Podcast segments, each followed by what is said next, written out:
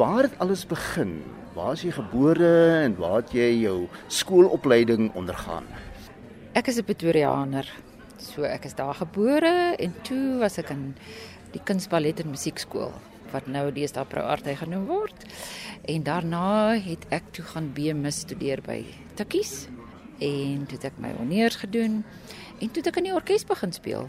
Daar het ek vir 12 jaar gewerk en toe het ek bietjie vryskutwerk gedoen en toe het ons die Kamerorkes van Suid-Afrika begin.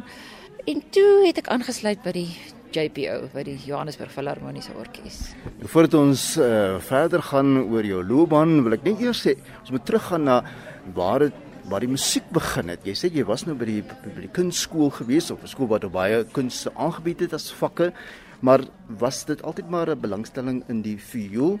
En ek weet baie violiste wat later altvioliste word, het eers as 'n violis begin. Was dit ook by jou die geval? Ja, nee, dit was weet jy, dit het ook maar gebeur. Daar was 'n viool in die familie.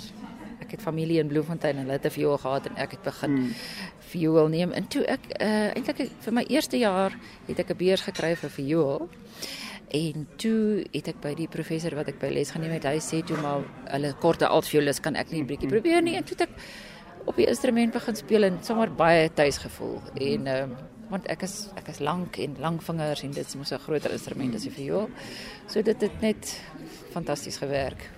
Interessant is dat die altviool het ook 'n baie dieper en warmer klank. Was dit vir jou vreemd op die oor toe jy begin het?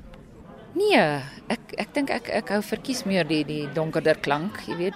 Ja, ons speel nie altyd die wysie in 'n orkes nie, maar ons is baie belangrik. Ons is sal ek sê die engine van die orkes. Ag, ja. jy sit in die middel van die orkes en jy hoor al die harmonieë en uh iemand het eendag Stefans Groewe het gesê dit is amper soos jy kan of groot wees of klein wees. Jy kan of saam met die viole speel of saam met die cellos. Jy weet soos uh, Alice in Wonderland.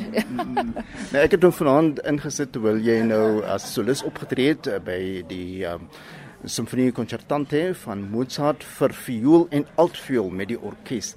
En ek dink in die derde beweging veral kom die samespel baie goed by mekaar waar mens omtrent die twee solo instrumente baie goed kan vergelyk. Ja, ja, nee, veral in die derde deel. Ag, en ook in die tweede deel waar die viool 'n temaatjie gee en dan herhaal ek dit.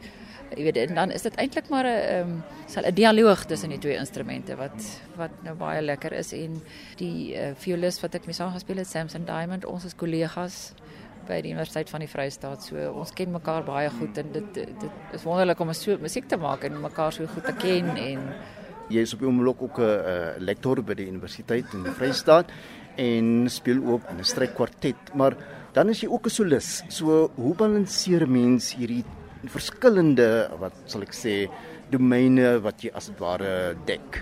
Hoor ja nee, dit is nie altyd so maklik nie. Dit hou mens net dit is fantasties om in die kwartet te speel. So ek bly oefen en, en mens hoor jouself. Maar uh jy moet maar baie oefen om weet hoe solis ook te wees. Ek sal my nou nie uitgee as 'n solis, weet. Ek speel nie so gereeld solo nie maar dit is tog fantasties as mens die geleentheid kry. En daar is ook nie so baie vir die klassieke tydperk nie so baie altvioolwerke geskryf nie. Ja. Dit is jy wat ook wil gesels oor die feit dat daar die repertorium vir uh, altviool konserte is maar bietjie skraps. In vergelyking met die viool en die cello, hmm. jy weet, is daar heel wat minder geskryf. Daar's gaan die vroeë klassiek, die stamhets en die hofmeister en daai tipe hmm. wat 'n kleiner orkes het. En dan in die romantiese tydperk was die is, was die orkeste net verskriklik groot en dan het die die altviool moet nou bo oor die weet gehoor word bokant 'n groot orkes so dit is ook 'n goeie goeie komponis wees of goeie skryfwyse wees sodat die balans reg is tussen die instrument en die orkes jy weet dit is uh, jy's ook nou in 'n strykkwartet die Odeon strykkwartet. Um, geniet jy dit om so 'n klein groepie van strykinstrumentaliste te werk?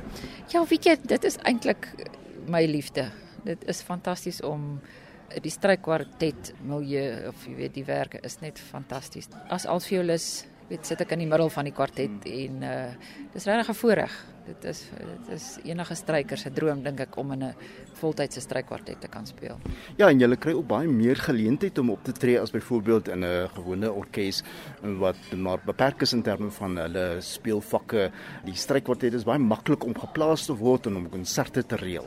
Ja, weet jy in in ons oefen elke dag 4 ure of so ons vier klim in 'n kar en ons gaan, mm. jy weet, doen konsert iewers of wat ja. ook al. Dis nie ehm um, soos 'n orkes wat jy nou moet of iemand wat 'n klavier moet saamvat nie. So dit dit maak dit nou eintlik jy weet ja. maklik. Ja, die logistiek is is heelwat makliker. Uh, jy het 'n groot liefde vir Suid-Afrikaanse musiek en daar's heelwat komponiste wie se werk jy of bekend gestel het of wat vir jou werke gekomponeer het. Weet jy, jy sou met die altveel repertorium nie so groot is nie eh, in in die uh, romantiese tydperk is daar nou 20ste eeuse komponiste wat baie al, vir die altveel skryf. En dit is een van my dinge wat ek weet nalatings wat ek wil weet uh, nastreef is om Suid-Afrikaanse komponiste aan te moedig om altvleelwerke te skryf en dit dan te speel en dan hopelik gaan ek dit nog alles opneem. Op, uh, weet jy 'n wonderlike komponis was Stefans Groewe en ek was 'n student van hom en hy het my musiekgeskiedenis gegee. Hy is een van die uh, komponiste wat ek 'n hele paar goed van opgeneem het en dan ook Hendrik Hofmeyer en Mukale Kwapeng Hy is op die oomblik in um, Zambië. Matthys van Duyk, hy het ook al goed geskryf en uh, ag en dan het ek nou by 'n kongres het ek bietjie Afrika werke, die Afrika idioom saam met 'n uh, eh, Afrika perkussie instrumente het ek eh, 'n uh, referaat gedoen saam met my kollega en 'n bietjie die Afrika element ingebring en sê nou dis nie net uh, ons hoef nie net westerse musiek te speel. Ja. Uh, jy praat nou van die kongres wat in die FSA gehou is. Hoe ontvang oorseese gehore Suid-Afrikaanse en dan nou Afrika musiek? Hulle is baie belangstellend, weet jy. E een van die kongresse was was in Suid-Afrika gehou 'n paar jaar gelede en die altvioliste kom so ja, eenmal 'n jaar bymekaar, maar hmm. altyd is hulle baie geïnteresseerd in die, in die Afrika musiek en ook uh, in die projekte wat ons doen en mense wat so musikaal is en die kindertjies en uh, ja nee, dit is dit is 'n groot belangstelling. Praat ons van die kongres, daar's een in die FSA en jy het ook genoem in Suid-Afrika was daar vroeër een gewees. Lyk my julle altvioliste moet julle maar seker vir julleself dinge reël. Weet jy ja, dit is eintlik hulle het um, elke jaar is daar 'n internasionale altviool kongres. Hmm.